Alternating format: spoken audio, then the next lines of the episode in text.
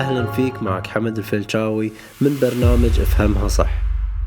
حالة الامتنان من الحالات اللي تحافظ على المشاعر عالية وبتلاحظ الشيء اللي تحس بامتنان اتجاهه يزيد واستفادتك من خلاله بالحياة يكثر. كلنا نمر بلحظات متعبة وسلبية لكن دايما عود نفسك إنك تنظر للجانب الإيجابي. خسارتك في مشروع علمتك شلون تحافظ على أموالك ووين تحطها. عصبيتك المفاجئة مؤشر عشان تتعلم ضبط نفسك أكثر.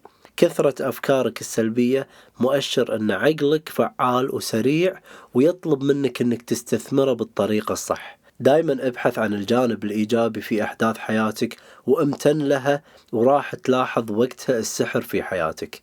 أبيك تتذكر معاي متى آخر مرة امتنيت لوجود شخص بحياتك. متى امتنيت لفلوسك اللي تملكها؟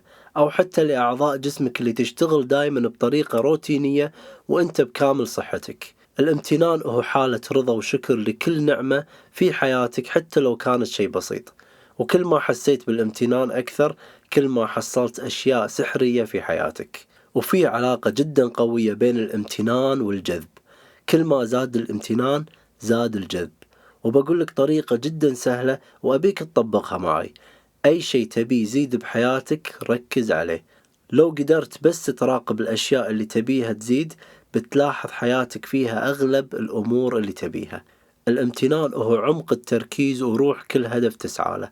أبيك تطبق تمرين وتلتزم فيه وأوعدك راح تلاحظ نفسك بعدها إنسان مختلف تماما. عود نفسك كل يوم الصبح تكتب وتمتن لعشر أشياء في حياتك. هذا التمرين خلاني أعرف قيمة الشكر والامتنان سواء لأشخاص بحياتي أو أشياء مادية. وتذكر أن الامتنان هو قانون كوني فأي شيء راح تمتن له بتلاقيه يزيد ويكثر بحياتك. وهو أداة سهلة وسحرية لو كل شخص عرف شلون يستخدمها بحياته.